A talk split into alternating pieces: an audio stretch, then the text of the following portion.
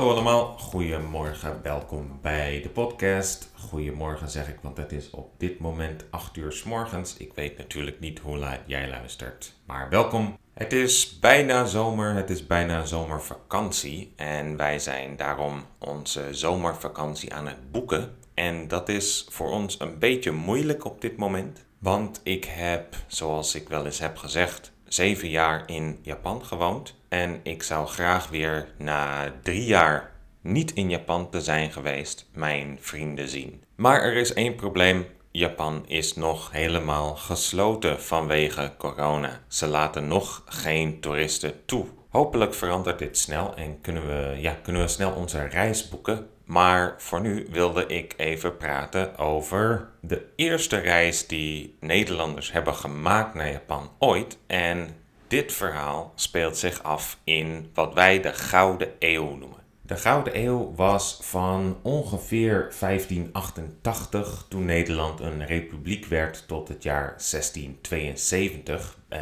bijna 100 jaar, dus een, een eeuw, waarin Nederland heel rijk werd. Dit was de tijd van de VOC, van Rembrandt, van Vermeer.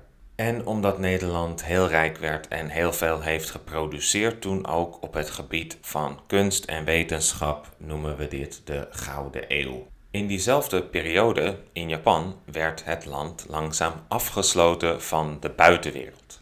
De eerste westerlingen in Japan waren de Portugese Jezuïeten en het probleem voor Japan was dat deze Jezuïeten veel Japanse mensen bekeerden tot christenen. En de christenen kregen meer uh, macht in het land omdat er meer waren. En dit vonden de leiders natuurlijk niet zo leuk. Dus op een gegeven moment hebben zij gezegd het christendom is verboden en alle buitenlanders moeten het land uit op straffen van dood. Als je niet het land uitgaat en niet stopt met christen zijn, dan word je of gekruisigd of we gooien je in een vulkaan. En dat is veel gebeurd. Waarom uiteindelijk de Nederlanders wel mochten blijven, dat hoor je zo. Maar we zijn nog niet in Japan. Het begint in 1588 in de haven van Rotterdam. Vijf schepen vertrekken met als doel Indonesië. Dit zou de eerste tocht worden vanuit Rotterdam naar Indonesië. En een van deze schepen heette De Liefde. En dat is het schip dat al uiteindelijk zal aankomen in Japan. En op dit schip, uh, ja, dit schip begon met een bemanning van 110 mensen. En dit waren niet alleen Nederlanders, uh, want omdat Nederlanders en Engelsen allebei uh, protestant waren en vaak vochten tegen, de, tegen het katholieke zuiden, uh, Spanje, Frankrijk, konden ze op de schepen samenwerken. Dus sommige van de bemanningsleden, van de 110 bemanningsleden op de liefde, waren niet Nederlands, maar Engels, Iers of Schots. En de bemanning was uh, vaak geen goede ambassadeurs, want het, het leven op zee was gevaarlijk. En daarom waren het vaak criminelen of mensen die vluchten van iets zoals een schuld, die zich aanmelden voor deze, voor deze lange reizen. Vanuit Rotterdam voeren ze zuidwaarts uh, langs de kust van Afrika. En in die tijd voeren ze altijd met de kust in zicht. Want het was gevaarlijk om op open zee te zijn, dus als er een probleem was, kon je makkelijk terug naar de kust. Ze hadden wel een ander groot probleem en dat was eten en drinken. Ze konden natuurlijk niet heel veel meenemen en er waren niet veel plaatsen waar ze konden stoppen voor eten en drinken. Een groot probleem op veel plaatsen op dat moment waren kannibalen.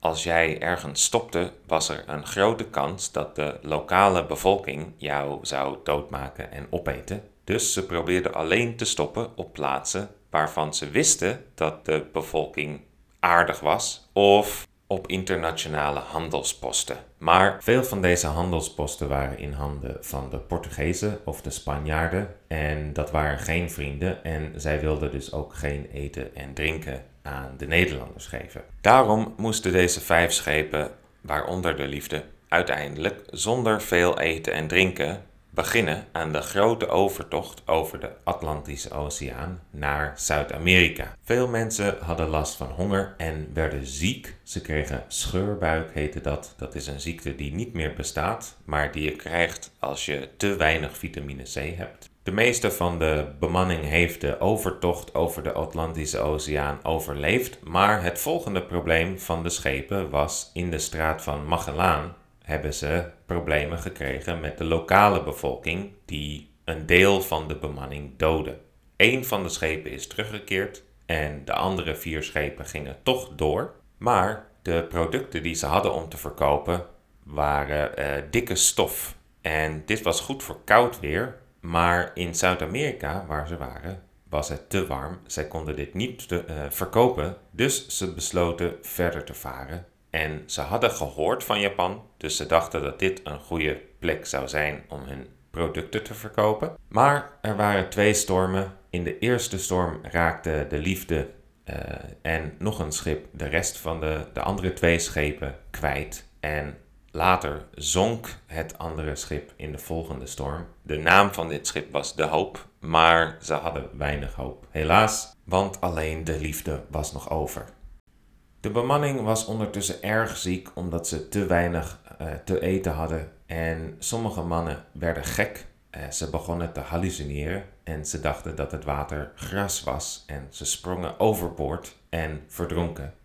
Wel interessant is dat ze op een gegeven moment langs een groep eilanden zijn gevaren, waar ze niet zijn gestopt. Dat was te gevaarlijk voor ze na hun ervaringen in Zuid-Amerika en Afrika met kannibalen. Maar drie van de matrozen zijn toch overboord gesprongen en naar de eilanden gezwommen, omdat ze het niet langer eh, aan konden aan boord en de rest van de bemanning wist het zeker, deze matrozen hadden het niet overleefd. Ze waren of verdronken of opgegeten door de lokale bevolking. Maar later zijn er verhalen gevonden in Hawaii van drie vreemde bleke mannen die uit het water zijn opgedoken.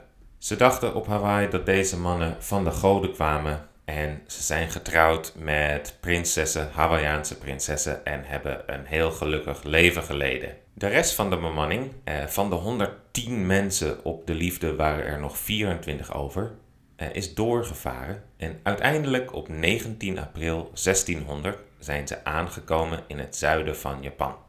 En zoals ik al zei, de Japanse leiders waren niet gek op buitenlanders. Die werden vaak meteen geëxecuteerd. Maar gelukkig was de lokale leider uh, in, in de stad waar de Nederlanders zijn aangekomen uh, heel geïnteresseerd in westerse technologie. En hij heeft ze niet geëxecuteerd. Toch gingen nog zeven bemanningsleden dood omdat ze te ziek waren. Op het moment dat ze aankwamen konden van de 25 uh, leden van de bemanning maar vijf op hun eigen benen staan. De rest was te ziek om te lopen. Een van deze vijf was de Engelsman William Adams en hij is belangrijk geweest voor de relatie tussen Japan en het Westen. En de film The Last Samurai met Tom Cruise is uh, voor een deel gebaseerd op zijn leven. Hij was de eerste westerse samurai in Japan.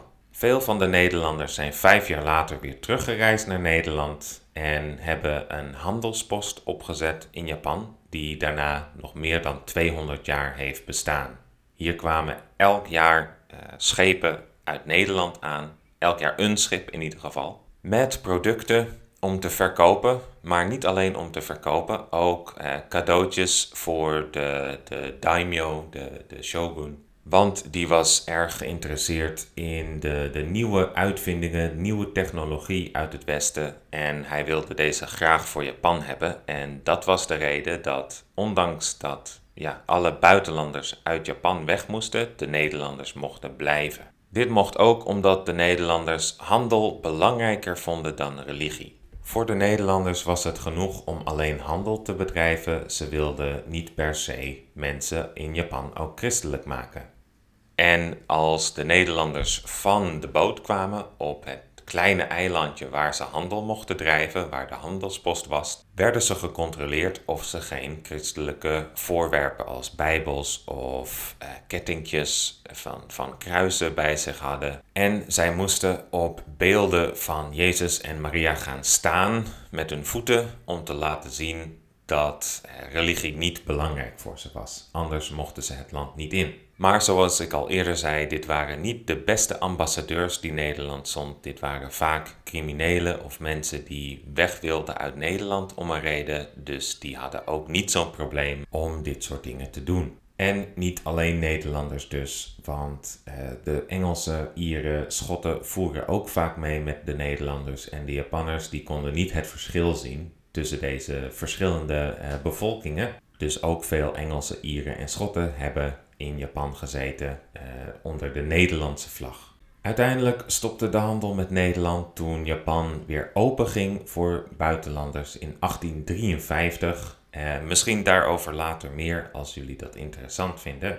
In Japan is nog wel een themapark over Nederland bij Nagasaki. En dit themapark heet Huis den Bosch. En hier zijn veel uh, ja, Nederlandse gebouwen nagebouwd. Ze hebben verschillende attracties en ik weet nog dat kaartjes uh, duurder waren dan kaartjes voor Disneyland. En hier is ook een, uh, een replica te zien van het schip De Liefde. Het eerste Nederlandse schip in Japan. En uh, ja, dit Huis ten Bos is een beetje interessant voor Nederlanders ook, omdat Nagasaki veel bergen heeft, veel heuvels. Dus het is een, ja, als je daar bent, ben je in een Nederland in de bergen. En dat is natuurlijk uniek. Ik hoop dat dit interessant was voor jullie. Dit is het voor deze keer. Eh, als je vragen hebt, opmerkingen, eh, vind mij ook op Instagram op Benkyo Dutch. Dat is B-E-N-K-Y-O Dutch. En op YouTube op Dutch Today. Tot de volgende keer. Doei!